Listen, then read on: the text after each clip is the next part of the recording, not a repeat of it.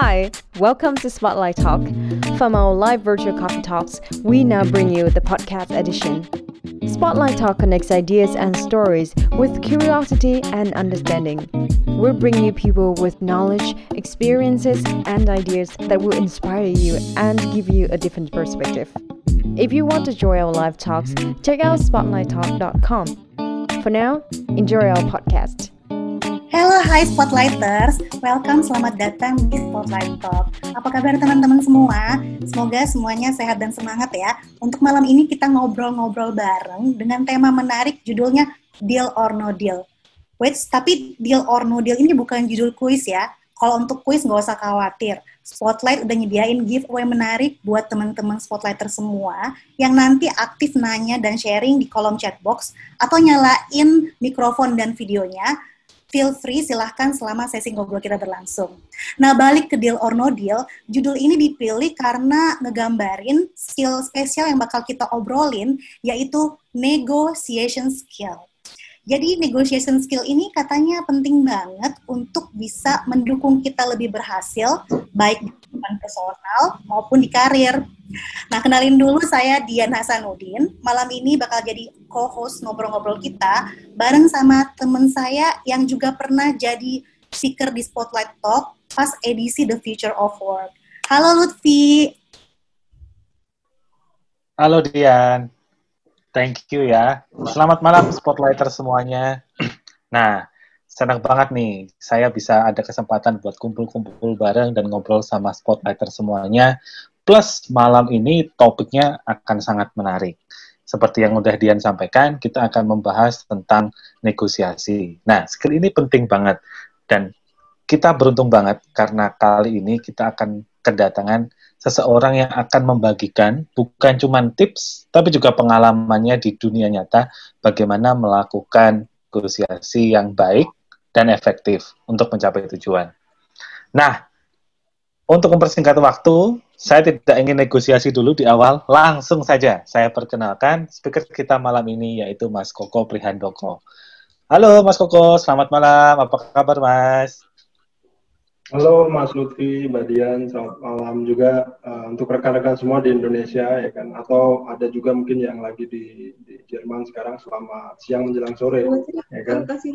Um, saya sungguh um, berterima kasih ya uh, untuk kesempatan yang diberikan pada saat ini untuk sharing juga di Spotlight Talk uh, um, untuk uh, istilah membahas atau membagi pengalaman seperti yang telah tadi Mas Lutfi juga singgung uh, sebentar tentang um, negosiasi uh, dan teknik-teknik apa sebenarnya yang yang yang bisa kita uh, pelajari atau nanti untuk juga kita latih dalam istilahnya melakukan um, negosiasi atau komunikasi sebenarnya ya uh, untuk uh, mendapatkan satu solusi um, apa pun yang yang yang kita mau gitu kan.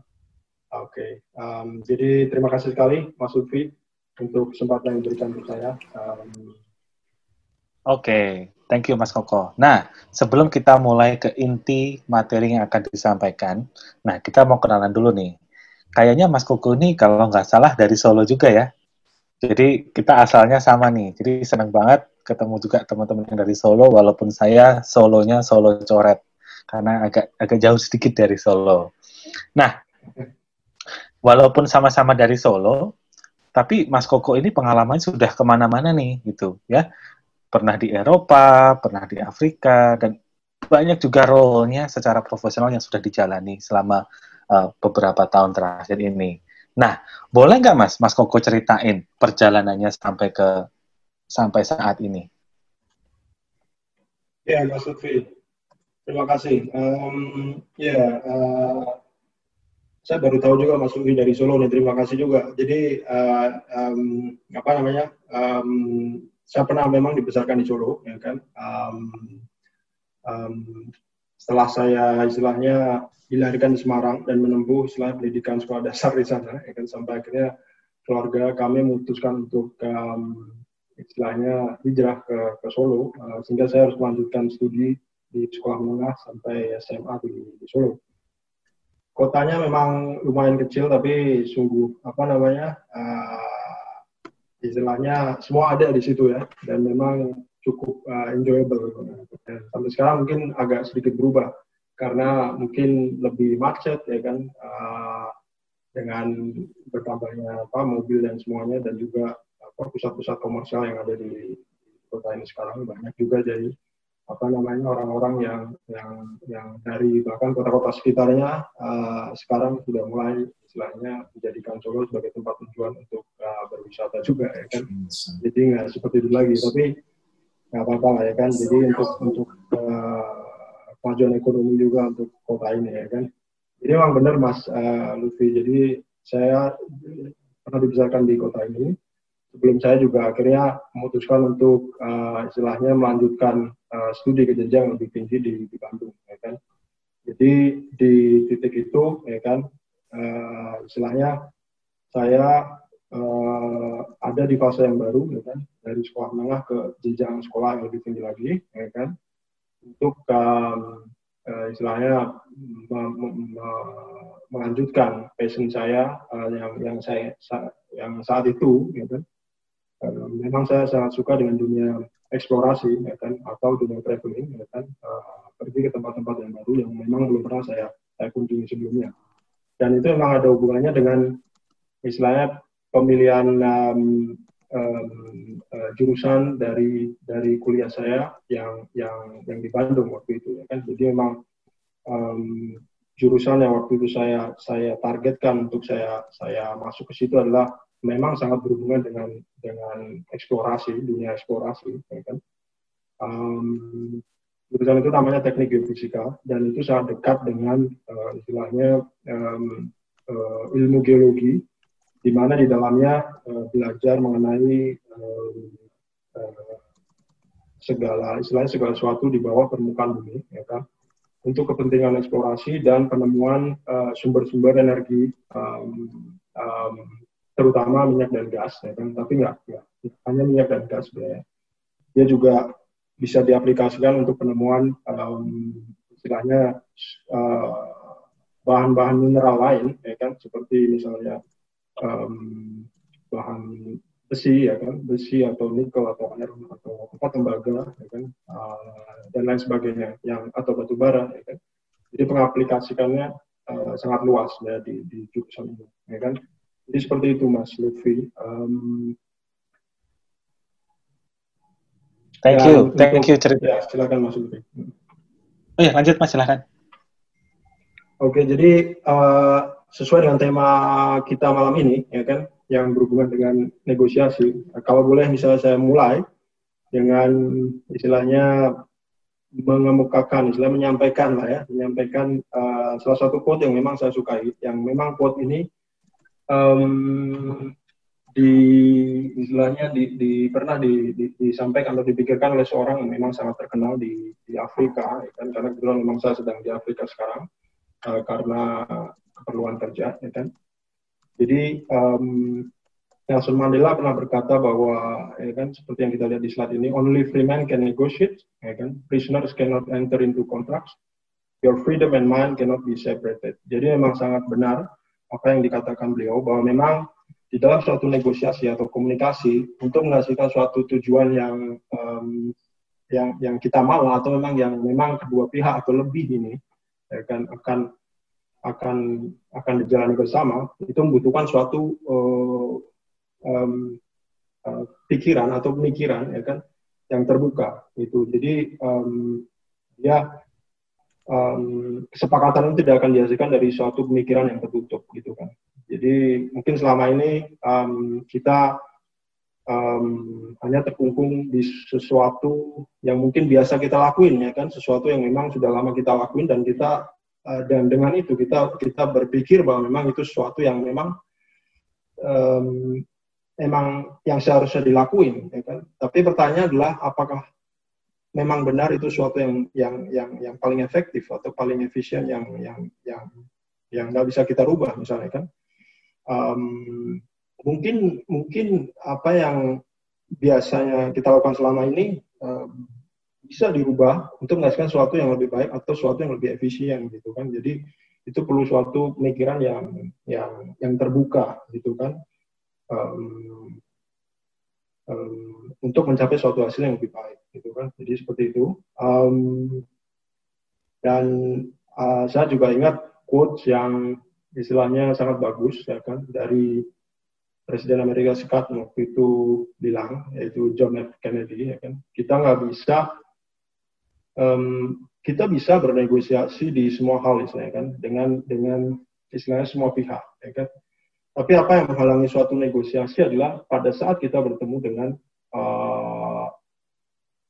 orang atau atau atau lawan bicara yang tidak mau terbuka dalam arti seperti ini kita nggak akan pernah bisa bernegosiasi dengan orang yang berpikir bahwa milik saya, ya kan, adalah milik saya, gitu.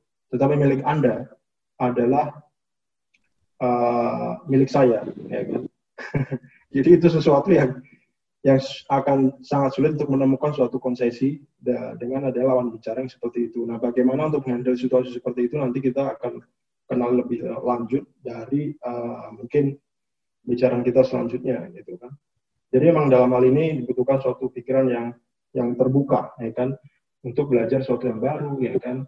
Kalau misalnya saya ingat dari istilahnya uh, spotlight talk yang sebelumnya yang memang um, waktu itu di, disampaikan oleh Mbak Yuki ya kalau nggak salah. Jadi saya sangat appreciate dan dan sangat respect juga dengan apa yang di share sama Mbak Yuki sebelumnya tentang prinsip-prinsip daripada um, growth of mind ya kan di situ memang dijelaskan secara secara jelas bahwa uh, untuk kita bisa ber, berkembang memang kita harus keluar dari apa namanya uh, zona fixed mind itu yang yang membuat kita selalu melakukan hal yang sama dan tidak pernah berpikir atau uh, bahkan menerima kritik. Ya kan? Jadi um, uh, ada hubungannya juga dengan dengan itu. Jadi untuk negosiasi pun kita perlu memiliki uh, orang-orang uh, memiliki prinsip growth mind tersebut gitu. Jadi jadi saya sangat sangat suka dengan uh, istilahnya sharing yang yang akan ada hubungannya dengan apa yang akan kita bahas di di sesi ini. Jadi seperti itu. Ya. Mantap, mantap Kemudian, banget Mas Koko. Ya. Kemudian kalau boleh saya lanjutkan nih Mas Lutfi, atau kira-kira sampai di sini ada yang Mas Lutfi atau Mbak Dian atau kira-kira teman-teman yang ingin uh, sampaikan dulu, ya kan? Mungkin mengenai ekspektasi-ekspektasi apa yang yang akan bisa didapat dari sharing ini dan lain sebagainya. Silahkan. Jadi saya terbuka untuk open discussion. Jadi uh, silahkan kalau misalnya ada pertanyaan juga um, uh, pada saat diskusi sedang berjalan atau pada saat saya sedang menyampaikan sesuatu silahkan dipotong di tengah dan bertanya gitu. Jadi istilahnya kita santai aja ya kan. Karena ini juga kebetulan Jumat malam ya waktu Indonesia ya. Jadi saya juga nggak mau terlalu berat gitu loh ngomongnya. Kalau bisa ya kan. saya saya kan juga agak spontan juga. Ya. Siap, siap. Um, sebentar Mas Lutfi. Jadi kalau sebelum kita menginjak ke ke slide ini ya kan saya mau sampaikan juga sebelum ini ya kan.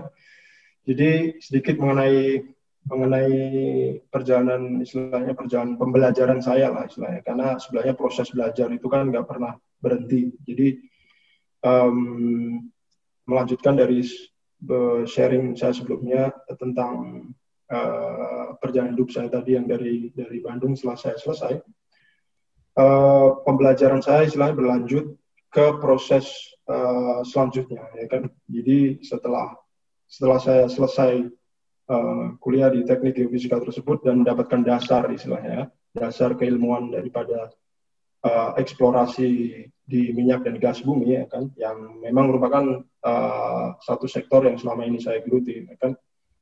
Setelah saya dapat dasarnya kemudian saya lanjutkan untuk uh, belajar ke level yang lebih tinggi lagi uh, di um, di di di, di Italia gitu kan. Um, saya belajar tentang um, manajemen uh, energi dan dan lingkungan ya kan. Jadi setelah saya dapat dasarnya tentang teknik eksplorasi tersebut, kemudian saya belajar tentang manajemen uh, energi tersebut sendiri itu dari dari sisi bisnis. Jadi di situ belajar tentang finance dan dan dan marketing dan dan segala hal yang terkait dengan uh, bisnis itu sendiri. Kemudian Uh, saya mulai karir setelah saya menamatkan uh, kuliah master saya di Milan ya kan dengan uh, profesi yang waktu itu memang uh, istilahnya profesi yang berkelanjutan dari studi teknik fisika tersebut yaitu menjadi seorang geofisikalis. Jadi di situ uh, pengaplikasiannya di situlah uh, saya belajar untuk uh, istilahnya mencari secara gampangnya kan mencari di mana sebenarnya minyak dan gas bumi itu bisa ditemukan di di bawah permukaan bumi gitu kan.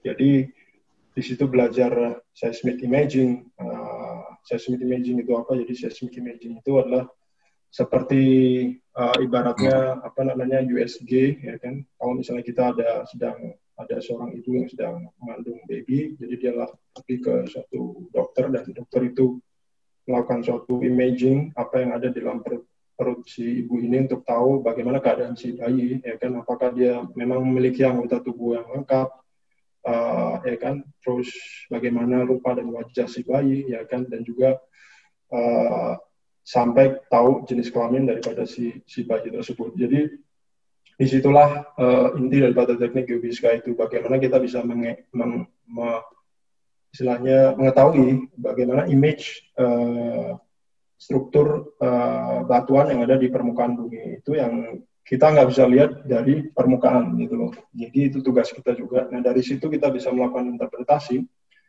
uh, untuk pada akhirnya muara dari studi tersebut adalah untuk menemukan uh, di mana kita harus uh, menentukan titik bor. Ya kan? Titik bor itu titik di mana kita akan melakukan drilling dan harapannya adalah dengan adanya drilling tersebut um, bisa ditemukan minyak dan gas uh, yang bisa menjadi istilahnya uh, sesuatu yang bisa dikomersialkan ya kan untuk kebutuhan akhirnya untuk kebutuhan kita sehari-hari. Jadi um, kalau uh, lebih gampangnya ya kan? Karena memang sekarang kita mau nggak mau ya. Jadi setiap aspek dalam kehidupan kita ya kan dalam kehidupan eh, teman-teman sekarang ini juga kalau mau kita jujur gitu kan itu sama sekali nggak bisa dipisahkan dari uh, produk produk akhir daripada minyak dan gas bumi itu. Contohnya misalnya ya kan untuk baju yang kita pakai ya kan uh, Eh, barang-barang uh, dapur ya kan atau barang produk-produk plastik uh, ban ya kan terus kemudian sampai ke konsumsi uh, bensin dan lain sebagainya untuk keperluan kita sehari-hari ya kan? Semuanya itu adalah produk turunan dari minyak uh, dan gas bumi gitu kan. Jadi um, itulah kenapa proses um, penemuan ya kan penemuan uh, minyak dan gas bumi tidak pernah berhenti. Dan memang um, kebetulan sekarang kita Eh, ber, ber, berulang tahun di apa namanya 161 tahun gitu di industri ini ada gitu. Jadi industri ada ini pertama kali dimulai dari tahun 1859 ya kan. Jadi pertengahan abad 19 pada saat uh, pertama kali di, di Amerika Serikat ya kan di, di Colonel Drake itu dia melakukan drilling, melakukan pengeboran pertama kali uh, dan mendapatkan istilahnya uh, ya, ya kan? Jadi kita berulang tahun 161 tahun di industri sekarang dan itu akan selalu tetap berkelanjutan, ya kan? Selama um, jadi selama manusia ini hidup, ya kan? Uh, sampai nanti akhirnya ditemukan sumber energi baru yang mungkin bisa um, kalau misalnya tidak sepenuhnya merubah konsumsi uh, minyak dan gas bumi ini paling nggak bisa melengkapi ya kan um, uh, uh, gas dan bumi gas dan minyak bumi tersebut. Kenapa? Karena sekarang memang kecenderungannya, ya kan? Um, karena ya mau nggak mau juga dari dari sisi lain, dari sisi environment, ya kan? Uh, minyak dan gas bumi ini memang tidak selah, tidak sepenuhnya istilahnya uh, produk yang ramah lingkungan istilahnya kan. Tapi dengan bertambahnya waktu uh, dan kreativitas di industri ini, uh, uh, perusahaan-perusahaan perusahaan-perusahaan migas ya kan semakin memperkaya teknologi mereka untuk agar menjadi semakin ramah dengan ramah lingkungan. Itu baik sekali metodenya. Dibanding 100 atau ya kan? Uh, atau 50 tahun yang lalu um, jadi teknologi yang ada di sekarang ada ada yang kita di sekarang ini menjadi semakin um, ramah lingkungan, meskipun masih uh, istilahnya memakai minyak dan gas bumi sebagai uh, uh, istilahnya feedstock atau apa ya istilahnya input utamanya gitu. Misalnya contohnya di, di mobil ya kan mobil sekarang lebih bisa di, dibikin hybrid atau segala macam gitu. So, sehingga di mana dia emisinya lebih lebih bersih dan lain sebagainya gitu kan. Kemudian setelah itu uh, saya juga uh, istilahnya terlibat dalam proses-proses negosiasi ya kan? Uh, di bisnis itu sendiri di bisnis migas uh, mulai dari tahun uh, sekitar 2010 ya kan? Uh, di Itali. Uh, kemudian uh, saya di istilahnya di assign ke, ke Angola untuk suatu tugas yang baru yang yang istilahnya tidak secara langsung disebut sebagai negosiator, tapi sebenarnya aktivitas itu sangat berhubungan dengan negosiasi, di mana uh, saya desain sebagai shipping manager untuk uh, meng, meng, selain mengatur proses uh, pengiriman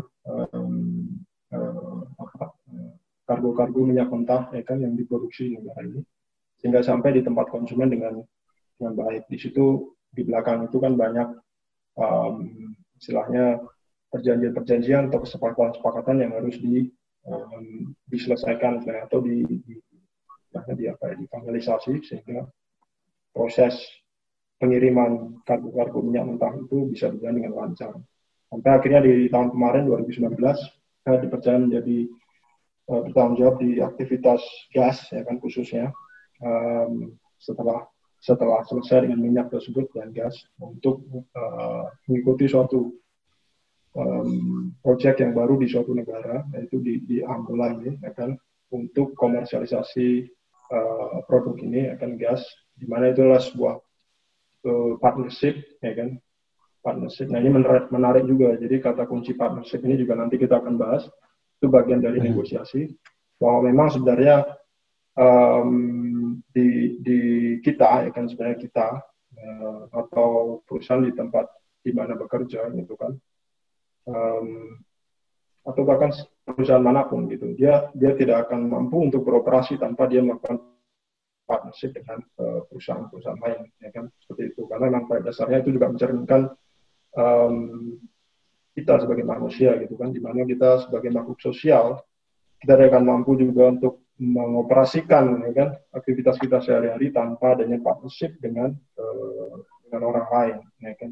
Kita butuh kita butuh partner ya kan pada intinya itu. Jadi um, gimana cara kita dapat partner yang baik ya kan ya di situlah um, perlukan suatu uh, teknik komunikasi ya kan.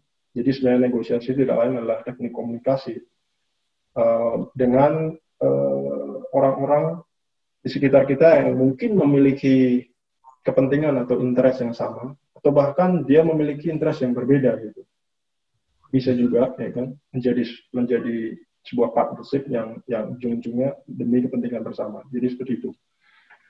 Kemudian uh, lanjut ke ke, ke slide uh, selanjutnya ya, ya kan. Jadi seperti yang saya singgung sebelumnya juga apa namanya uh, soal partnership itu. Jadi um, uh, uh, minta izin juga sebenarnya saya juga istilahnya kan uh, akan di, di bagian pertama ini, jadi kalau boleh saya sebutkan di bagian pertama ini, saya mencoba untuk mendeskripsikan atau mengumpamakan aktivitas negosiasi ini uh, dengan memakai um, contoh uh, industri migas uh, di dalamnya gitu kan. Uh, tapi sebenarnya itu bisa diaplikasikan di di di di bisnis bisnis yang lain atau aktivitas-aktivitas keseharian kita um, yang kita lakukan gitu kan secara sederhana gitu. Nah sebenarnya partnership itu apa? Partnership itu adalah um, apa namanya hubungan dari dua dua buah pihak ya kan. Kalau dalam ini saya umpamakan kalau misalnya dari dari industri migas sendiri adalah hubungan antara uh, investor ya kan uh, yang dia mewakili perusahaan-perusahaan minyak ya kan? Uh, tidak selalu perusahaan minyak internasional tapi juga perusahaan minyak nasional ya kan? Uh, dengan um, dengan tuan rumah gitu kan? Nah tuan rumah ini maksudnya uh, di negara yang bersangkutan. Jadi contoh yang paling paling paling paling apa namanya paling nyata adalah misalnya gitu kan kalau misalnya kita sebut yang gampangannya antara antara misalnya Pertamina dengan bahkan dengan uh, Indonesia sendiri gitu kan atau misalnya perusahaan minyak dari Malaysia dengan Indonesia sendiri. Jadi seperti itu. Kenapa? Karena di kedua pihak ini memiliki kepentingan berbeda gitu kan. Jadi semuanya dimulai dari situ, ya kan? Karena mereka memulai kepentingan berbeda, jadi di situlah ada interaksi dan proses negosiasi untuk menghasilkan suatu sepakatan um, bisnis ya kan yang berjangka panjang untuk keuntungan kedua belah pihak gitu. Jadi sebenarnya di situ inti inti negosiasi itu itu, itu sendiri di, di di konteks ini gitu kan. Nah hmm. uh, sebenarnya juga nggak terbatas itu hubungan antara antara tuan rumah dan investor itu bisa terjadi juga antara investor dan juga sesama investor lain gitu. Dan ini bisa um, melibatkan lebih dari dua investor sebenarnya. Itu bisa tiga atau empat investor, investor yang tadi saya sebut sebagai hubungan partnership itu tadi, ya kan? Jadi dia pengaplikasikan dalam dalam kehidupan sehari-hari mungkin kalau misalnya ada teman-teman juga yang memiliki bisnis pribadi atau usaha pribadi itu bisa berupa rekanan dengan misalnya dua atau tiga orang teman gitu kan uh, untuk mengoperasikan suatu bisnis dengan skema tertentu dan itu kan uh, perlu proses sebelum kita akhirnya memutuskan untuk mulai. Nah, di situlah di, di, dibicarakan tentang apa namanya uh, skema misalnya skema bagi hasil ya kan antara antar teman ya kan terus siapa yang istilahnya bertanggung jawab untuk operasi ya kan siapa yang bertanggung jawab untuk misalnya keuangan dan lain sebagainya. Jadi ada banyak hal yang harus di, di, dikomunikasikan sebelumnya atau dinegosiasikan sebelumnya itu istilah yang yang yang sering kita sampaikan tadi kan. Sebelum kita mulai sebuah uh, usaha atau bisnis ya kan. ini juga bisa jadi ya kan diartikan sebagai hubungan antara suami juga ya kan jadi ada dua dua orang yang sudah memutuskan untuk uh, istilahnya lanjut ke jenjang pernikahan ya kan nah uh, kita mungkin berpikir itu bukan suatu negosiasi, tapi sebenarnya itu adalah suatu negosiasi gitu kan. Nah, di dalam negosiasi itu sendiri, secara formal tujuan akhirnya memang uh, untuk mendapatkan sebuah kesepakatan, yang kesepakatan itu kemudian dituangkan dalam um, bentuk tertulis, ya kan, dalam sebuah kontrak, ya kan. Jadi di situ di kontrak itu nanti akan menjaga uh, pentingan kedua belah pihak atau bahkan kepentingan lebih dari dua belah pihak ya kan secara jelas dan gamblang itu sehingga nanti di kemudian hari karena memang hubungan ini akan berjalan lama ya kan jadi kita bicara bisa 30 tahun atau 40 tahun di dalam kontrak ini diatur semua tentang uh, klausul-klausul uh, yang memang apa namanya yang harus dipatuhi gitu kan dan dalam klausul itu um, terutama dalam hubungannya dengan dengan dengan dengan bisnis um, sebaiknya memang tidak melanggar undang-undang yang berlaku di suatu negara tersebut. Jadi memang kedua belah pihak perlu tahu ya kan undang-undang uh, apa yang berlaku, hal-hal apa yang diperbolehkan dalam suatu undang-undang atau tidak gitu kan.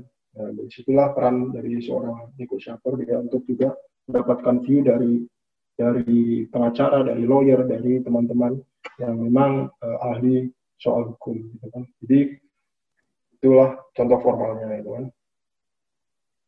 Nah, di lebih lanjut lagi tentang industri-industri yang yang yang satu ini ya kan, uh, industri migas. Hmm, prosesnya memang panjang. Jadi karena memang uh, prosesnya panjang itu ya kan dari mulai eksplorasi hingga dia menemukan minyak kemudian sampai dengan tahap produksi itu butuh uh, waktu lama bisa bisa 10 tahun, 15 tahun atau 20 tahun dengan penuh risiko ya kan. Itulah kenapa kita perlu suatu uh, istilahnya kontrak tadi yang sebelumnya memang harus dinegosiasikan secara hati-hati sebelum kita melangkah ke uh, ke jenjang berikutnya gitu yaitu kegiatan eksplorasi untuk dipastikan semua temnya uh, berjalan dengan dengan baik. Seperti misalnya berapa jumlah sumur yang akan di uh, apa dibor dan lain sebagainya. Kemudian uh, kalau misalnya setelah terjadi pengeboran kemudian ada penemuan minyak dan gas, uh, kemudian uh, bagaimana pembagian hasil dari uh, produksi hasil produksi minyak dan gas tersebut, kemudian um, bagaimana cara mengirimkan apa namanya uh, hasil produksi tersebut sampai ke, uh, ke ke tangan konsumen sebagai istilahnya kan pemakai dari dari produk aktif tersebut. Jadi di semua proses ini dibutuhkan suatu um, uh, kontrak ya kan yang mengatur um, hubungan dari pihak-pihak yang terkait. Jadi seperti itu. Ya kan. Nah, ini uh, kita lanjut ke hal yang menurut saya sih um, lebih menarik gitu kan. Jadi setelah kita dapatkan backgroundnya yang di awal tersebut tentang mengapa kita harus mengapa negosiasi itu diperlukan dan sangat penting ya kan. Uh, sebelum kita lanjut tentang negosiasi itu sendiri untuk membahas apa itu sudah negosiasi dan teknik-teknik apa yang bisa kita pelajari. Nah ini ada uh, semacam kuis ya Mbak Dian ya atau semacam ini. Um, ya Mas. Jadi sekarang kita masuk challenge. ke Oke teman-teman spotlighters, siapa nih yang mau jadi volunteer buat uh, ngikutin kuis pertama dari Mas Koko? Nanti ada giveaway loh dari Spotlight buat yang bersedia jadi volunteer. Kayaknya pertanyaannya hmm. susah sih, cuma mungkin pertanyaan-pertanyaan dasar ya. Kira-kira pernah uh, kalau buat yang pernah belajar negotiation skill, yuk teman-teman spotlighters bisa nyalain mikrofonnya atau tulis di chat box siapa yang mau bersedia jadi volunteer, langsung otomatis dapat giveaway. Ada otomatis yang, loh ini ya, tanpa iya. negosiasi ini ya. Loh, kan karena karena memang belum masuk ke paling mengena nih jadi ini otomatis dapat giveaway kalau malu-malu nyalain mikrofonnya aja nggak usah pakai video nggak apa-apa Iya.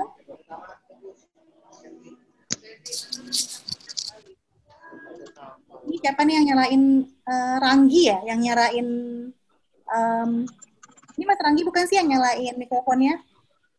Eh, siapa tadi? Iya, iya, saya, saya. Halo Mas Ranggi. Oke. Okay. Halo Kak. Selamat atas atas Oke. Okay. Loh, langsung dapat. Belum dikasih pertanyaan loh ini. Tanya dulu. Tanya dulu lupa. Yuk Mas Koko mau nanya apa nih ke Mas Ranggi? Silahkan. Oke, okay, kita udah ada ada Mas Ranggi ya sebagai volunteer. Iya Kak. Halo Mas Ranggi. Selamat malam Mas Ranggi, lagi di Indonesia ya? Malam, Mas. Iya, lagi di Indonesia. Oke Mas Ranggi, makasih. Jadi gini Mas Ranggi, ya kan? Um, jadi di, di case ini ya kan kita mau coba uh, ada ada suatu case tadi ya kan uh, nanti saya harap ini bakal suatu yang menarik ya kan.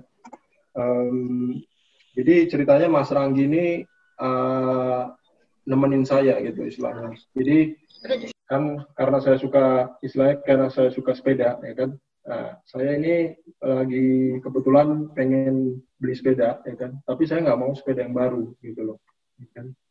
Nah eh, kan sekarang lagi lagi marak di Indonesia kan sepeda. Jadi eh, saya ambil contoh ini sebagai istilahnya sesuatu yang mungkin simpelnya itu kan?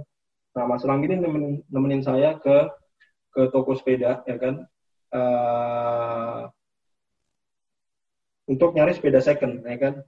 Sepeda second ini uh, saya sangat suka sekali, ya kan?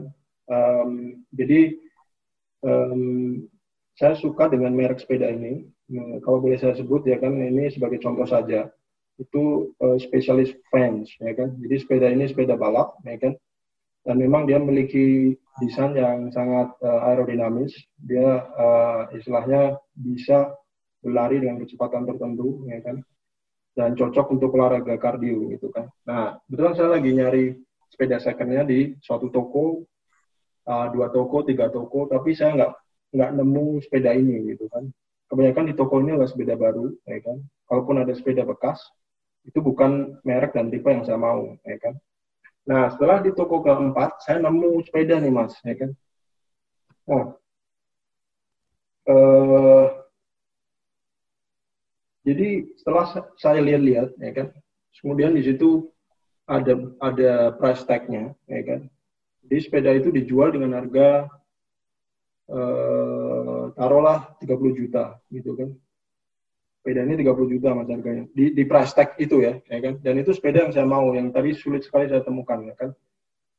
Mereknya itu ya kan tipenya itu ya kan warnanya itu dan benar-benar saya suka gitu kan. Nah kemudian eh, ada otomatis ada salesman di situ kan yang yang dia istilahnya yang punya toko ya kan? Yang punya toko ada di situ. Um, kemudian saya ketemu dia. Nah ini kita berdua nih Mas Ranggi ya kan, kita berdua. Kemudian dia bilang ya kan, um, atau saya saya nanya. Jadi taruhlah ini uh, siapa namanya yang punya nih? Om istilahnya Om Alex lah. Om Alex saya suka sepeda ini ya kan. Um, halo halo. Halo. Kok putus-putus ya, Kak? Oke, okay. sorry Atau Mas jaringan saya yang jelek ini ya. Tapi kita di tempat toko. Jadi um, sorry Mas Ranggi tadi uh, sempat ngikutin cerita saya atau saya harus pulang lagi Mas Ranggi? Halo Mas Ranggi, uh, sudah kedengaran kan suaranya? Yang, ke, yang keempat saja yang diulang. Yang okay. keempat tadi Oke, jadi sampai ke toko keempat, ya kan, uh, saya menemukan sepeda ini. Jadi di, di toko keempat ini, price tag sepeda ini 30 juta, gitu kan. Taruhlah sebagai contoh, ya kan, 30 juta. Kemudian salesman-nya atau yang punya toko bilang, gitu, uh, apa, Mas Koko mau sepeda ini, ya kan. Uh, ya, saya bilang, uh, tergantung harganya, gitu kan. Harganya 30 juta ya kan dia bilang. Si si pemilik toko ini. Kemudian dia bilang oke. Okay, um, tapi sepeda ini sudah di, di book orang ya kan?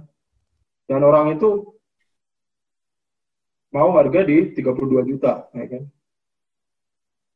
ya kan jadi istilahnya dia bilang ya. bahwa orang lain mau orang lain mau sepeda ini dengan harga 32 juta Nah, oke. Okay. Mas Ranggi, ya kan? Bisa dengar saya, Mas Ranggi? Halo, Mas Ranggi. Bisa, bisa, bisa. Dengan orang lain 32 juta tadi ya. Pertanyaannya? Ya. Nah, terus saya langsung pertanyaannya satu, ya kan? Saya langsung beli nih, ya kan? Karena saya tahu orang lain udah beli 30 udah udah mau harga 32 juta. Seperti apa yang dibilang si uh, Mas Alek tadi. Mas Alek ini yang punya toko ya kan. Nah, Mas Ranggi setuju atau enggak saya beli? Mas Ranggi kedengeran nggak pertanyaannya? Membeli dengan harga 32 tadi ya berarti ya? Ya. 30 Mas. Jadi Mas Alek bilang Bapak kalau mau sepeda ini, ya kan, eh, sepeda ini sudah ada yang ngetek di harga 32 juta. Tapi saya saya lepas ke Bapak di harga 30. Nah, terus saya langsung beli, ya kan. Saya langsung beli di harga 30 juta. Nah, Mas Ranggi setuju? Setuju, karena kan memang di price harganya 30 juta ya. Ya. Oke. Okay. Jadi jawabannya Kemudian setuju. Oke, kemudian pertanyaan kedua ya kan, case-nya beda ya kan. Uh, Mas Alek yang punya toko tadi bilang ya kan, oh Pak, Mas Mas Koko maaf nih, um, karena yang versi terbarunya dari uh, sepeda ini yang specialist fans yang tadi saya bilang itu merek Tintipa ini yang barunya ya karena ini kan secondnya yang barunya ini hari ini naik harga nih ya kan dari toko aslinya ya kan jadi otomatis kan saya mikir wah barunya aja naik harga nih, ya kan. Uh, terus saya mikir, oh berarti ini 30 juta, saya takut nanti dinaikin lagi sama dia. Jadi langsung saya beli, ya kan. Setuju nggak? Mas Ranggi bisa dengar? Cuman, ke, cuman, cuman ketemunya cuman satu toko ya. Berarti kalau memang ingin kebutuhannya itu sih setuju-setuju saja. Oke. Terus case ketiga nih, Mas uh, Mas Ranggi, terima kasih tadi untuk yang jawabannya case kedua. Case ketiga nih beda, ya kan? Jadi Mas Alex yang punya toko bilang, ya kan, oh Mas Koko nih, saya, saya barusan ditelepon, ya kan, uh, ada orang yang mau harga ini 34 juta, ya kan, saya dapat telepon uh, bapak bapak X lah misalnya, dia mau beli ini di harga 34 juta. Tapi kalau mau, tapi kalau sama Mas Koko ya kan, karena kita teman sendiri, saya lepas di 30 juta. Mau nggak? Kemudian saya beli, ya kan, di, di harga 30 juta Mas Ranggi setuju nggak? Tetap 30 juta, setuju. Oke. Okay. Oh, jadi uh, pertanyaan jawabannya jadi, setuju semua nih Mas Ranggi. Setuju, setuju, setuju, setuju semua ya. Ada ya. dua pertanyaan lagi nih. Sorry Mas. Ada dua pertanyaan lagi. Dan ini bakal lebih cepat ya kan. Terus saya lihat-lihat ya kan. Uh, case yang ketiga nih, case yang ketiga, case yang keempat, sorry, case yang keempat ini kan.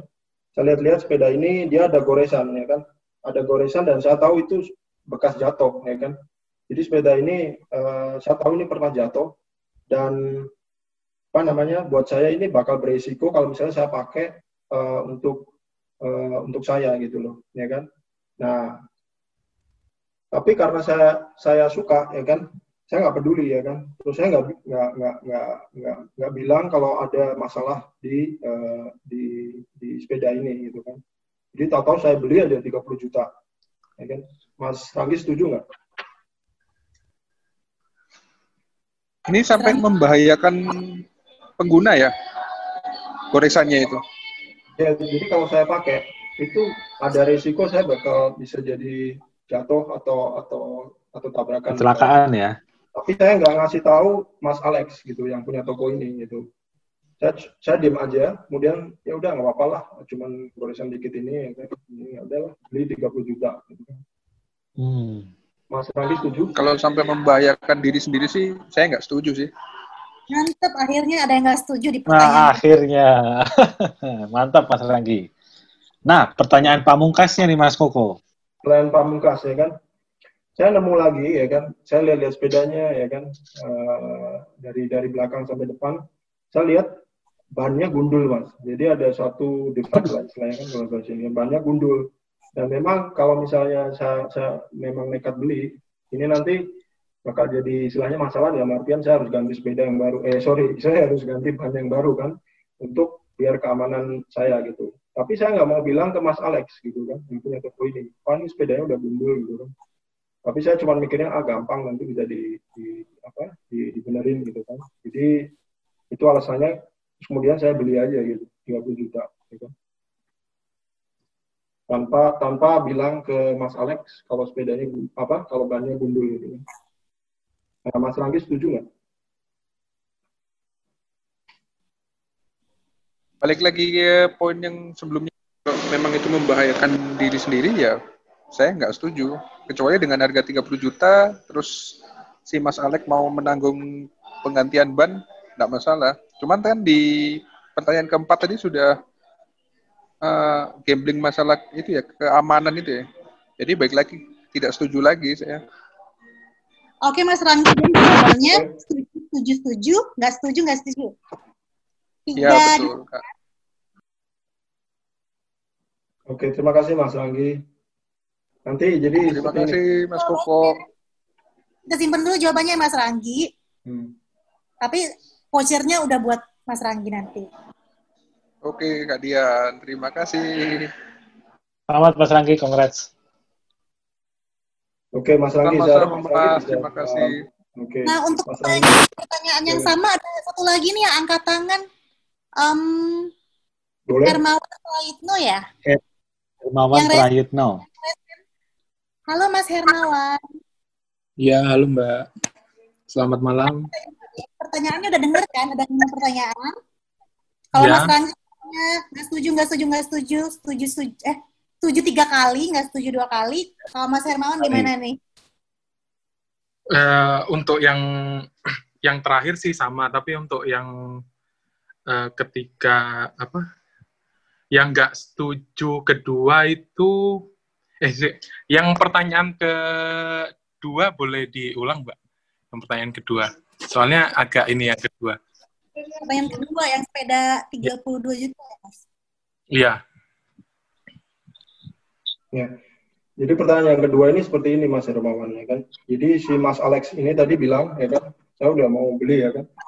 Um, saya udah niat mau mau nawar istilahnya kan? Uh, mau nego. Tapi uh, Mas Alex bilang ya kan Mas Mas Koko ini sepeda yang barunya ya kan? Ini kan second ya kan? Jadi sepeda yang barunya ini ya kan itu hari ini dari dari toko aslinya ya kan? Dari specialist store-nya itu dia sudah naik harganya 5 juta gitu kan ya, sudah naik 5 juta jadi otomatis saya punya pikiran wah kalau sek barunya aja naik ya kan ini bisa jadi uh, yang second mau dinaikin sama dia. Jadi saya mikir sebelum dinaikin sama dia, saya beli di harga 30 juta langsung gitu loh.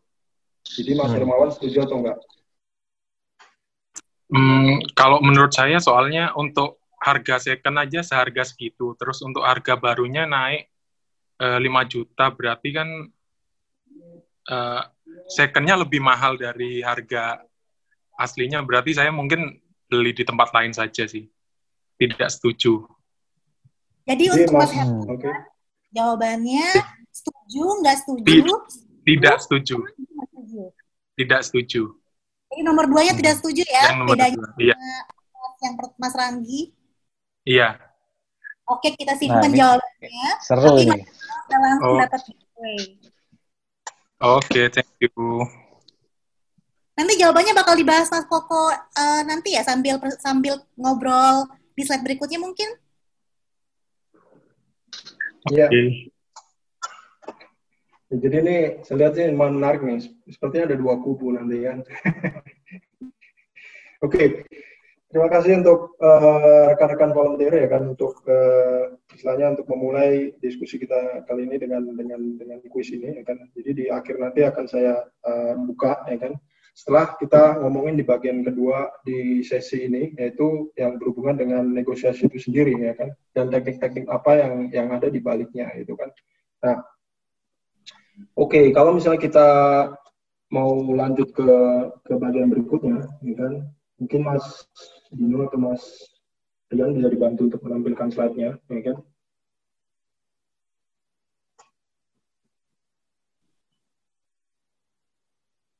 Halo, Mas Dino atau Mas Rian ya yang bisa klik slide-nya. Jadi di slide nanti ini um, Mas Koko bakal ngobrolin intinya ya teknik-teknik negosiasi yang pernah Mas Koko pakai. Ya, yang kira-kira bisa kita pelajari dan bisa kita aplikasikan dalam dalam hal apa aja gitu. Jadi bisa dalam hal jual beli direct negotiation atau indirect negotiation gitu loh. Atau uh, dalam dunia kerja juga ya kan. Jadi jadi kita mulai bahas bahas uh, ke inti ke inti istilahnya inti inti daripada negosiasi itu sendiri. Jadi saat ini memang nanti teman-teman spotlighters kalau mau nanya boleh langsung juga ya. Ya ya jadi seperti ini ya. Jadi eh, kadang-kadang uh, kita ada dalam situasi seperti ini. Jadi pernah nggak teman-teman ada di dalam situasi seperti ini? Maksudnya seperti yang benar-benar terlihat di gambar ini.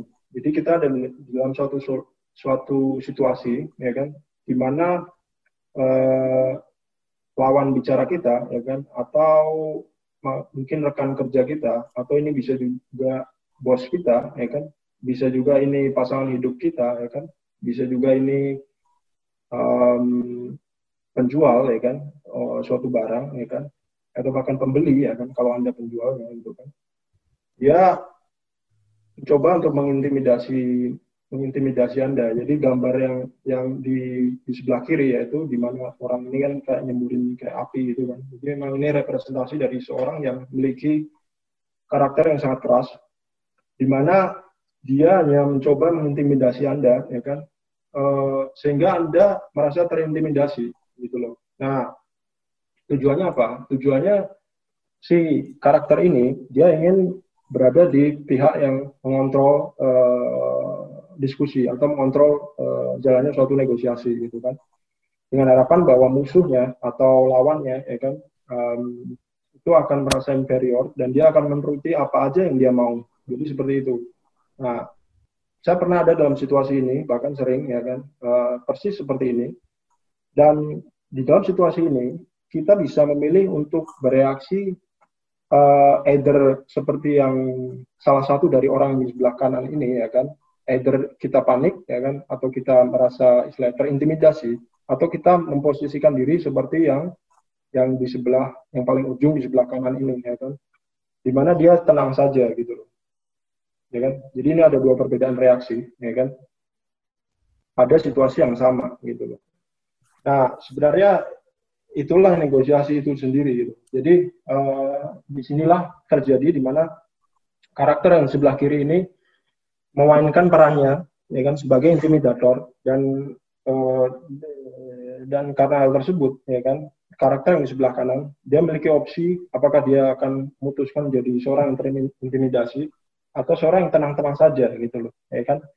Itu merupakan suatu pilihan. Jadi um, ada peran-peran tertentu dalam dalam proses negosiasi ini ya kan? Jadi jadi seperti itu. Dan harapannya adalah uh, kita nggak perlu terintimidasi ya sebenarnya dalam situasi seperti ini. Karena mungkin juga orang yang sedang marah tersebut atau sedang uh, meninggikan adanya tersebut dia sedang memainkan perannya gitu memainkan perannya untuk mencoba meng, me, istilahnya membuat kita inferior. Jadi seperti itu. Jadi eh, saya pernah ada di dalam situasi seperti ini. Gitu. gitu. Kalau dari yang Silakan. ada intimidatornya itu tips singkatnya gimana mas supaya bisa tetap tenang? Karena kan yang diserang kayaknya kan emosinya gitu ya. Gimana mas tipsnya supaya kita bisa bereaksi dengan yang baik, yang tenang gitu ya? Dan tidak panik. Ya, jadi sebelum kita masuk ke slide ini ya, ya ke slide selanjutnya ini ya kan untuk menjawab pertanyaan Mas Lutfi, memang um, kita harus memposisikan diri seperti orang yang ada di paling kanan di gambar gambar ini gitu, dengan tetap tenang. Karena kenapa? Uh, justru mungkin situasi seperti ini itu akan sangat menguntungkan kita, di mana kita bisa uh, dalam tanda kutip memancing uh, emosi orang yang uh, kelihatannya sedang emosi tersebut untuk memberikan informasi sebanyak mungkin yang kita tahu gitu kan. Karena orang hmm. yang sebenarnya sedang uh, marah ini dalam tanda kutip, kutip ya kan, dia banyak bicara kan, ya kan, uh, kecenderungan seperti itu. Dan uh, sebaiknya kita tetap tenang dengan dan manfaatkan situasi ini untuk mengambil informasi sebanyak mungkin tentang posisi dia atau apa yang dia pikirkan gitu kan. Dengan harapannya kita bisa uh, mengerti dia lebih baik dan kemudian memberikan suatu uh, istilahnya solusi dari permasalahan apa pun yang ada pada saat itu. Gitu. Jadi oke okay, oke okay, oke. Okay. Jadi seperti itu mas. Atau kita bisa juga memilih untuk menyerang balik, ya kan? Dan dan hasilnya pasti akan sangat jauh berbeda, ya kan? Uh, um, dalam dua pendekatan tadi. Nah, hasilnya jauh berbeda seperti apa? Nanti kita bisa bahas di slide yang selanjutnya, gitu kan? Setelah slide ini, ya kan? Nah, sebelum kita apa namanya eh, bahas dan itu nanti masuk ke eh, subjek yang namanya dilema negosiasi gitu kan? Di situ nanti kita akan bahas. Nah, sebelum kita masuk ke dilema negosiasi sendiri, ya kan? Eh, ini saya, saya coba sampaikan, saya coba share dulu atau bagi kira-kira sifat negosiasi itu seperti apa. Karena kalau kita pengen tahu mengenal mengenal sesuatu kan kita perlu tahu sifatnya, kan. sifatnya seperti apa. Sehingga kita nggak perlu nggak perlu takut atau nggak perlu istilahnya eh, eh, ragu-ragu uh, uh, untuk mempraktekannya gitu kan. Jadi negosiasi itu apa? Ya, jelas kan negosiasi melibatkan orang ya kan. Jadi mungkin ini salah satu skill atau salah satu kemampuan yang belum bisa tergantikan oleh mesin ya. Artinya uh, di zaman di zaman teknologi digital seperti ini kan sekarang uh, banyak peran-peran atau fungsi-fungsi pekerjaan yang di istilahnya diganti dengan dengan uh, artificial intelligence yang mungkin ini Mas Lutfi lebih tahu banyak uh, soal soal uh, teknologi informasi ya kan Uh, tapi karena sifat manusia adalah makhluk sosial, jadi uh, di dalam sebuah komunikasi atau relationship dengan orang, ya kita perlu orang gitu kan untuk untuk memanage uh, hubungan tersebut sehingga bisa berkelanjutan. Jadi itulah negosiasi. Uh, kemudian yang kedua adalah dia melibatkan pilihan. Jadi di dalam suatu negosiasi itu uh, di dalam sebuah negosiasi yang baik uh, sebaiknya kita juga siap dengan pilihan-pilihan yang yang akan kita jalani misalnya kan. Jadi um, dan kita mungkin nggak bisa ya memaksakan um, sesuatu ya kan hanya dengan satu pilihan. Jadi seperti itu. Karena mungkin pilihan yang kita paksakan itu belum tentu itu adalah sesuatu yang baik untuk counterpart kita, untuk lawan bicara kita. Sehingga kita perlu menyiapkan pilihan-pilihan uh, solusi ya kan? Uh, atau atau atau dari suatu masalah ya kan? Sehingga kita bisa milih mana yang terbaik untuk kepentingan bersama ya kan? Jadi seperti itu. Kemudian uh, negosiasi itu juga berpeluang untuk terjadinya konflik dan itu nggak masalah itu wajar ya kan? Uh, tapi bagaimana caranya kita manage konflik yang ada tersebut dengan baik ya kan? Konflik itu bisa terjadi karena memang kita mungkin bisa jadi berasal dari dari negara yang berbeda, bisa juga dari dari dari dari background kebudayaan yang berbeda dengan bahasa yang berbeda dan memiliki sifat yang berbeda ya kan? Itulah manusia kan jadi peluang konflik itu sangat sangat ada. Jadi itu cukup untuk dipahami ya kan? Um, kemudian negosiasi itu melibatkan tatap muka ya kan? Dan bertukar kata atau, atau pikiran otomatis kan? Jadi kita nggak bisa negosiasi jauh-jauhan istilahnya kan? Uh, sangat tidak efektif dan efisien. Mungkin kalau sekarang situasi lagi pandemi seperti ini ya secara sebaik-baiknya kita memanfaatkan teknologi apa namanya uh, uh, uh, uh, video call yang yang contohnya seperti yang sesuatu yang kita lakukan sekarang ya kan untuk melakukan suatu negosiasi. Tapi usahakan kita uh, bertemu dengan orang tersebut atau melihat orang tersebut ya kan uh, meskipun kita berjauhan gitu kan. Dan di situlah terjadi nanti juga pertukaran uh, pikiran gitu kan.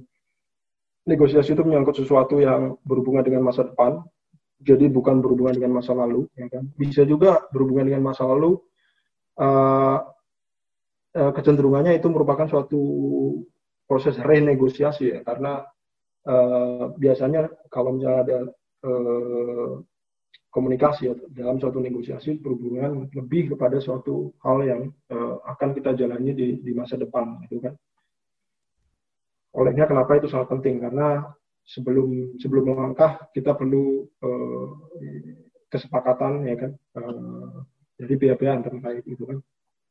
Dan mengharapkan kesepakatan itu sudah jelas ya kan? Uh, tujuan umum dari negosiasi adalah mengharapkan kesepakatan yang baik ya kan?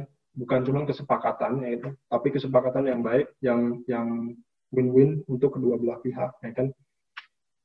Um, dan seperti yang pernah saya singgung tadi sebelumnya ya kan dia pada saat kesepakatan itu di, di, di, ditutup ya kan atau difinalisasi kemungkinan juga nanti ke depan itu ada proses renegosiasi lagi dari kesepakatan yang sebelumnya kita pernah uh, sepakati sebelumnya. Jadi di sini ada tujuh ya, tujuh sifat negosiasi yang perlu kita pahami. Nah, um, Mas Koko, sorry mohon maaf. Nah, kayaknya nih ya, kayaknya nih ya, teman-teman spotlighters ini udah mulai nggak sabar nih. Saya lihat sudah ada dua teman yang udah menanya di chat, tapi mungkin karena masih Mas Koko ada satu materi lagi, mungkin bisa disampaikan. Semoga di slide berikutnya itu ada jawabannya. Tapi kalau enggak, nanti mungkin kita bisa bahas di akhir ya. Ya, boleh ini pertanyaan boleh boleh kita istilahnya um, collect kumpulkan dulu ya untuk nanti dibahas di di bagian di bagian terakhir juga bisa ya kan? Jadi nanti kita Siap, mas. Mas Koko nanti kita bisa sesi ngobrol-ngobrolnya kira-kira mungkin lima menit lagi gitu bisa? Lama menit lagi boleh. Boleh. Jadi saya langsung nanti istilahnya uh, agak agak cepat juga gitu kan pertanyaannya uh, pertanyaannya ada empat nih apa lima. Banyak juga. Oke. okay. Wah, nah, siap siap nambah lagi. Mantap. Oke, okay, jadi next uh, jenis negosiasi itu seperti apa? Jadi secara global ya kan, yang berlaku di dunia istilahnya kan. itu sebenarnya ada dua, cuman ada dua, ya kan jenis negosiasi ini apa sebenarnya? Ya cuman ada dua ini, ya kan. Negosiasi cuma ada dua, yaitu yang pertama adalah jenisnya dia distributif, ya kan. Atau yang kedua jenisnya dia integratif, integratif, ya. Kan? Integratif ini saya translate dari bahasa Inggris, memang dari bahasa Inggrisnya integratif. Nah, uh, mungkin dalam bahasa Indonesia-nya apa ya? kerjasama mungkin ya. Jadi jadi seperti itu. Pada intinya bedanya adalah uh, negosiasi yang distributif ya kan. Itu cenderung dia membagi sesuatu ya kan. Sesuatu ya kan saya bilang misalnya dalam hal ini ya, ini contoh nyata kan misalnya yang paling gampang. Ini ada sebuah kue ya kan. Jadi kue ini hanya menurut saya hanya perumpamaan saja. Kue ini bisa macam-macam, bisa parameternya bisa harga ya kan atau bisa uh, pendapatan dan lain sebagainya yang harus dibagi uh, kedua belah pihak. Jadi akibatnya apa? Jadi kalau misalnya satu pihak dia ngambil kuenya kebanyakan, ya kan, otomatis kan pihak lain dia dapat bagian yang lebih kecil kan. Dan sebaliknya gitu. Kalau satu pihak ngambil lebih kecil, lain pihak dapat yang lebih besar, gitu aja kan. Jadi seperti seperti itu sangat simpel, ya kan. Ini jenis negosiasi yang sangat simpel. Dan dan ini sangat sangat mudah memicu konflik ya karena cuman pembagian distributif aja gitu kan bisa jadi kan yang dapat lebih kecil dia ngambek kan dia marah uh, sehingga dia minta bagian yang lebih besar dari pihak sebelumnya gitu kan nah ini contohnya apa? Contohnya misalnya dalam hal jual beli misalnya jual beli karpet lah misalnya kita contoh contoh ini kan. Jadi kalau misalnya kita ada lihat karpet yang bagus ya intinya kan atau atau jual beli kain ya misalnya. Dengan dengan penjual uh, parameternya cuma satu kan harga. Otomatis kalau kita bayar harga lebih ya uang lebih itu buat si penjual. Kalau kita bayar harganya lebih murah karena kita bisa nego ya kan ya uang lebihnya selisihnya itu atau diskonnya itu ya untuk ke, ke, ke keuntungan kita seperti itu kan. Nah itulah distributif sangat simpel sekali ya kan. Yang kedua adalah integratif. Integratif ini lebih kompleks karena uh, dia mencoba menyatukan uh, dua interest yang sangat berbeda gitu loh, ya kan? Jadi um, uh, istilahnya ini bisa di, di diilustrasikan di gambar ini misalnya kan jadi dua orang anak ini sebenarnya ada dalam proses negosiasi di mana mereka memiliki bagian-bagian puzzle ya kan yang tidak sama yang antara si anak perempuan dan anak laki-laki. Tapi kemudian mereka bisa uh, istilahnya get along ya kan atau atau uh, mencapai suatu kesepakatan dengan uh, menggabungkan ya kan puzzle-puzzle ini secara bersama. Jadi puzzle ini menggambarkan interest atau kepentingan dari masing-masing pihak. Jadi kedua pihak memiliki kepentingan yang berbeda sehingga kalau misalnya dia digabung, dia menjadi suatu solusi yang sangat indah seperti seperti uh, puzzle ini kan seperti uh, sesuatu yang mereka sedang bangun. Jadi dua-duanya punya hal yang berbeda, kemudian disatukan menjadi satu hal yang lebih bagus. Jadi seperti itu. Kalau misalnya saya mau kasih contoh lain lagi, misalnya uh, contohnya waloh atau pumpkin, kalau dalam bahasa Indonesia-nya buah apa ya, pumpkin. Jadi jadi contohnya seperti ini. Uh, ada dua orang anak ya kan, dia rebutan pumpkin. Labu ya mas ya? Eh, labu ya kan dia lebih labu gitu kan nah si si mamanya datang ya kan terus bilang ya udah ini labunya dibagi dua ya kan e, dua-duanya anak ini sedang nangis misalnya. Kemudian mamanya datang labunya dibagi dua. Tapi kok e, dua anak ini tetap nangis gitu loh. Mereka tetap nangis makan bahkan marah malah lebih parah nangisnya gitu kan. E, jadi sebenarnya apa yang terjadi?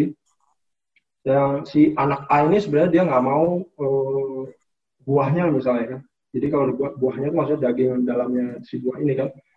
Si anak satu ini nggak mau buahnya, tapi hanya mau kulitnya istilahnya kan. Karena dia mau bikin uh, mainan mobil-mobilan gitu kan. Jadi dia nggak mau kalau labu itu dipotong separuh, otomatis cacat kan. Dia nggak bisa bikin mainan atau mobil-mobilan. Jadi dia makin nangis, ya kan.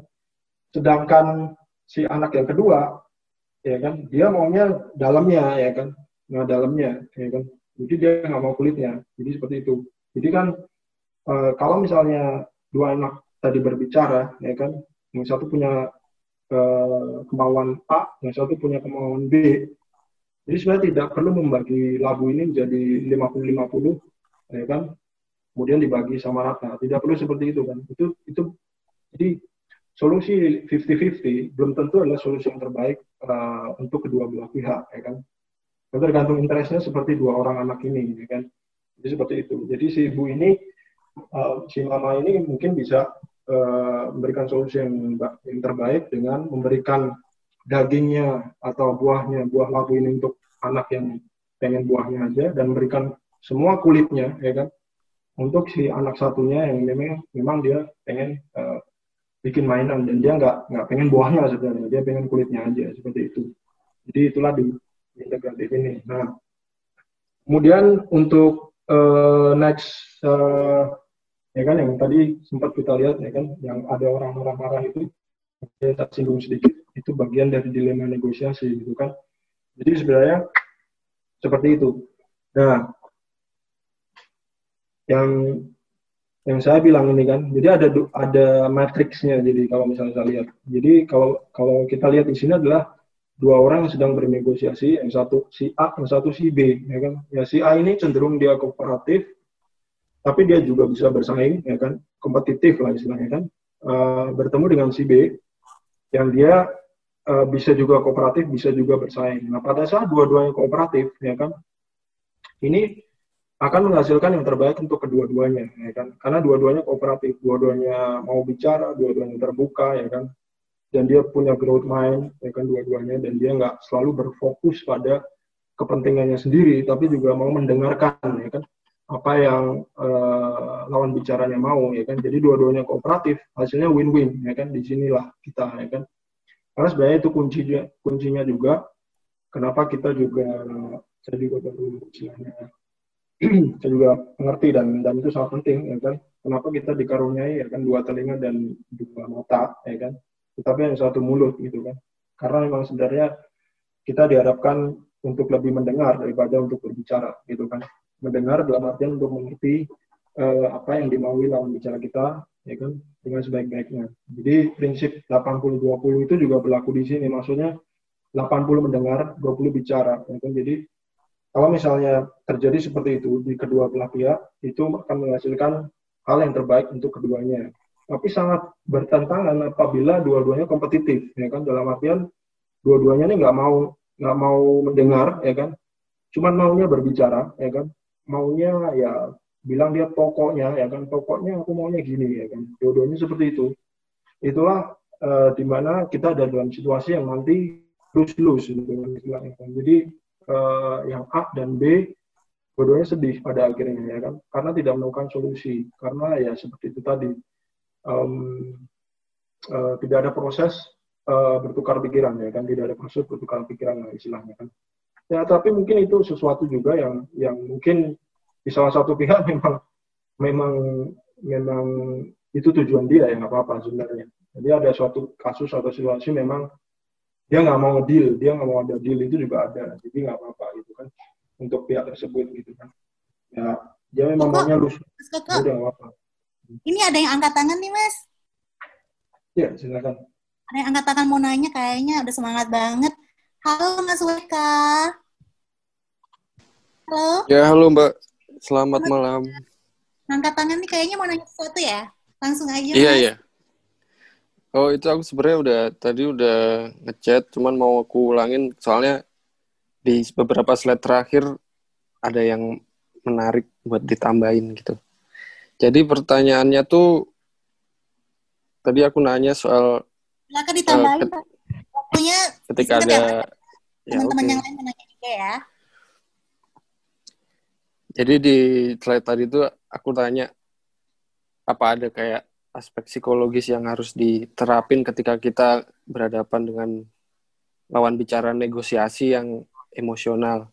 Soalnya eh, di slide terakhir yang dijelasin itu kayak bener-bener head to head antara negosiasi apa antara pihak A dan pihak B. Tapi ketika sebenarnya yang kayak disampaikan Mas Koko tadi itu kayak 80-20 itu udah udah terbentuk dua-duanya sebenarnya udah kooperatif tapi ada uh, masalah lain ketika negosiasi itu sebenarnya sifatnya layering. Jadi kayak kita tuh re- dua-duanya repres- representatif dari perusahaan misalnya.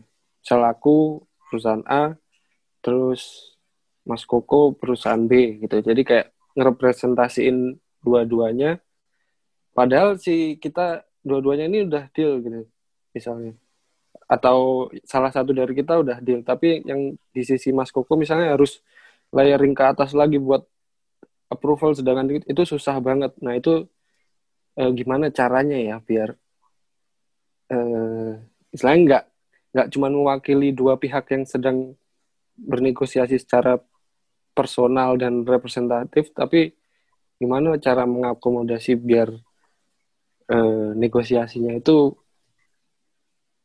nggak nggak berubah-ubah gitu kan bisa memungkinkan yang se- sebenarnya dia udah setuju seca- secara personal dia udah setuju tapi ketika dia layeringnya ke atas lagi bisa menimbulkan nggak setuju lagi gitu sih mbak. Oke Itu- Mas udah bisa ditangkap ya pertanyaannya. Yang pertama, eh, gimana negosiasi yang kalau ada yang emosional. Yang kedua, gimana negosiasi biar konsisten walaupun banyak layer yang banyak person dan berlayer-layer eh, yang mewakili negosiasi tersebut. Mungkin kayak gitu ya. Mas Koko silakan.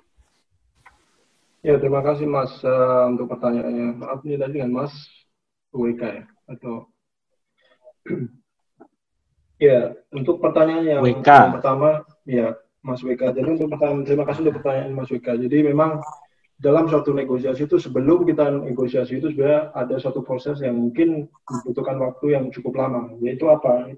Preparation, ya kan? Jadi tidak lain eh, sebelum negosiasi itu adalah ya preparation, preparation, preparation, preparation. Jadi artinya apa? Jadi tidak hanya kita harus siap dalam hal teknis ya kan eh, untuk membahas eh, masalah yang ada yang yang sedang kita hadapi, tapi juga harus menyiapkan istilahnya eh, eh, secara aspek psikologis kita gitu kan. Eh, dengan banyak preparation dan latihan gitu kan. Nah, eh, untuk membantu istilahnya secara aspek psikologis kita ya kan eh, itu mungkin ada prinsip dari yang dari yang mungkin kita bisa pelajari dari dari buku Art of War gitu kan. Kalau misalnya Mas Weka pernah pernah baca buku ini itu sangat baik mengenai Sun Tzu ya mas ya ya dari Sun Tzu itu kan. Jadi ada dua ada dua hal yang perlu kita kuasai ya kan. 50% agar kita men- menangkan suatu battle atau suatu eh, peperangan ya kan. Kita harus mengenal diri kita sendiri dulu ya kan. Kita harus tahu eh, posisi kita interest kita siapa kita ya kan. Dan dan eh, eh, dan semua tentang kita istilahnya kan. Tim kita ya kan seberapa kuat kita personel kita kita harus tahu dulu. Jadi 50% yang tahu itu. Dengan kita tahu itu, otomatis secara psikologis kita akan lebih siap, ya kan, sebelum kita uh, head to head atau istilah berhadapan dengan lawan bicara kita, ya kan. Kemudian yang 50 persennya itu, ya kita harus tahu tentang siapa lawan kita. Jadi seperti itu. Kita nggak akan- akan bisa menang, ya kan. Eh, di dalam suatu peperangan, kalau kita nggak tahu musuh kita kan, musuh kita itu seberapa banyak, terus dia posisinya di mana, terus dia posisinya di pasar itu seperti apa, pasar ini market ya kan, Eh, terus interest dia seperti apa, keinginan dia seperti apa. Kalau misalnya kita nggak tahu semuanya itu, otomatis ada blind, blind, blind spot di situ kan, ada unknown, ada faktor-faktor unknown yang harus kita jawab dulu, ya kan, sebelum kita memutuskan untuk bertemu dengan dengan orang tersebut, ya kan. Jadi sebaiknya seperti itu, mas. Kemudian untuk pertanyaan yang kedua, ya kan, mengenai eh, apa namanya eh, layering, ya kan. Jadi memang benar mas, itu adalah masalah common yang kita bisa, halo, eh, Mas Lutfi, eh, saya mau nanya, suara saya kedengeran nggak nih? Kedengeran, Mas? Kedengeran, kedengeran. Oke, oke maaf, saya takutnya tadi Oke. eh, speakernya mati. Jadi yang kedua adalah layering negotiation. Jadi seperti yang eh, Mas Weka tadi bilang di dalam suatu perusahaan, mungkin kita jadi negosiatornya, tapi sebenarnya adalah eh, bukan kita yang ada dalam keputusan terakhir untuk memutuskan kita harus kita bisa tanda tangan atau tutup kontrak. Jadi sesuatu yang memang eh, perlu kita istilahnya selesaikan dulu yaitu in- eh, internal alignment lah istilahnya. Jadi apa ya? Jadi kesepakatan internal dari suatu perusahaan itu harus kita capai terlebih dahulu memang sebelum kita maju ya kan untuk menawarkan suatu proposi proposal uh, kepada pihak lain ya kan. Uh, sehingga pada saat proposal itu disepakati secara garis besarnya jadi kita nggak perlu lagi uh, membuka lagi hal-hal yang sudah kita sepakati sebelumnya dengan lawan lawan kita dengan apa counterpart kita. Jadi internal alignment ini sangat penting dan memang Mas WK ini benar apa namanya 50% dari uh, tantangan negosiasi itu adalah uh, atau hal-hal yang 50% hal yang membuat negosiasi itu gagal itu di internal alignment sendiri Mas. Jadi memang itu suatu masalah uh, yang lumayan istilah serius ya. Jadi banyak pihak dia belum ada uh, internal alignment tapi dia sudah berani ngajuin proposal. Dan ujung-ujungnya apa? Ujungnya ya kita tahu sendiri kan negosiasi itu harus dibuka uh, lagi di open lagi dan direnegosiasi lagi butuh waktu lagi bahkan sampai bertahun-tahun prosesnya mungkin bisa gitu kan. Jadi seperti itu mas mas Weka ini kan. Kalau boleh saya jawab semoga bisa membantu mas Weka oke terima kasih. Terima kasih ya mas Weka thank you mas Koko. Nah, ini ada tiga pertanyaan lagi nih. Uh, saya sudah baca dan kalau saya simpulkan ya, garis besarnya itu gimana caranya kita bernegosiasi dengan baik. Apakah uh, misalnya kita menyerang pribadi itu cara yang baik? Apakah kalau kita hanya mempertimbangkan interest kita sendiri itu baik? Atau gimana ya? Apakah harus barking gitu ya? atau istilahnya tadi Mas Koko intimidating atau gimana. Nah, mungkin kalau bisa dikasih tips gitu Mas, ada beberapa uh, hal yang harus diperhatikan supaya kita bisa bernegosiasi dengan baik. Ini ada saya rangkum dari eh, pertanyaannya Mbak Indah, terus Oke, ada Lintang dan Rizky. Nah, itu tadi Mas pertanyaannya Mas. Kira-kira gimana Mas cara bernegosiasi dengan baik, elegan supaya tetap bisa mencapai tujuannya? Oke, jadi uh, selain tadi uh, yang kita sudah bahas ya kan dengan misalnya dengan adanya pertanyaan-pertanyaan dari Mas Wika juga gitu kan.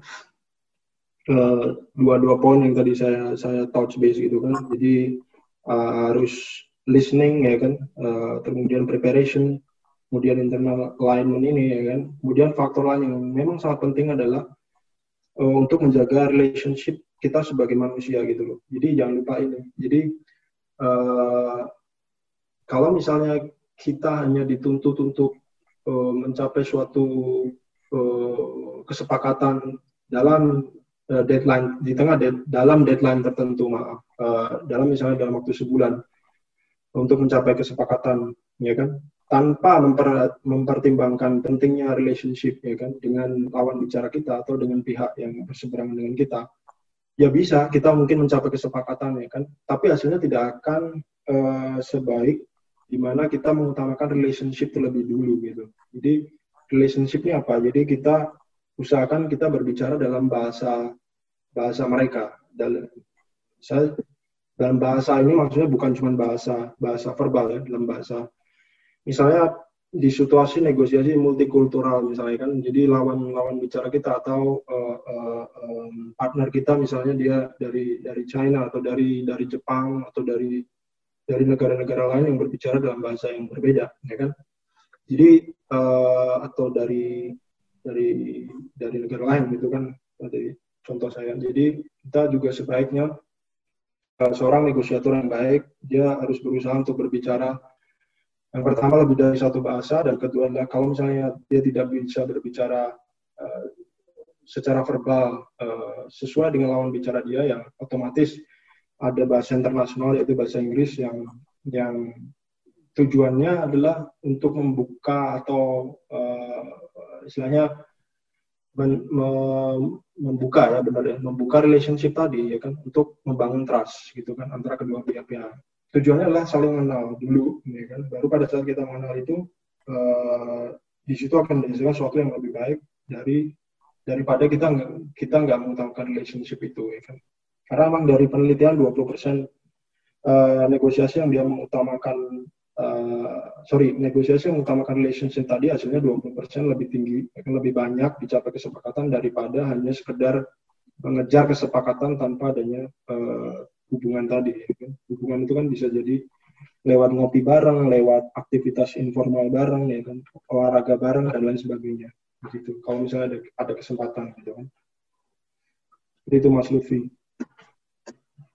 Jadi mungkin kita bisa lihat bahwa kayaknya penting banget ya untuk ngejaga personal relationship dan ngebangun hubungan juga di luar pekerjaan pada saat negosiasi itu ya, Mas Koko.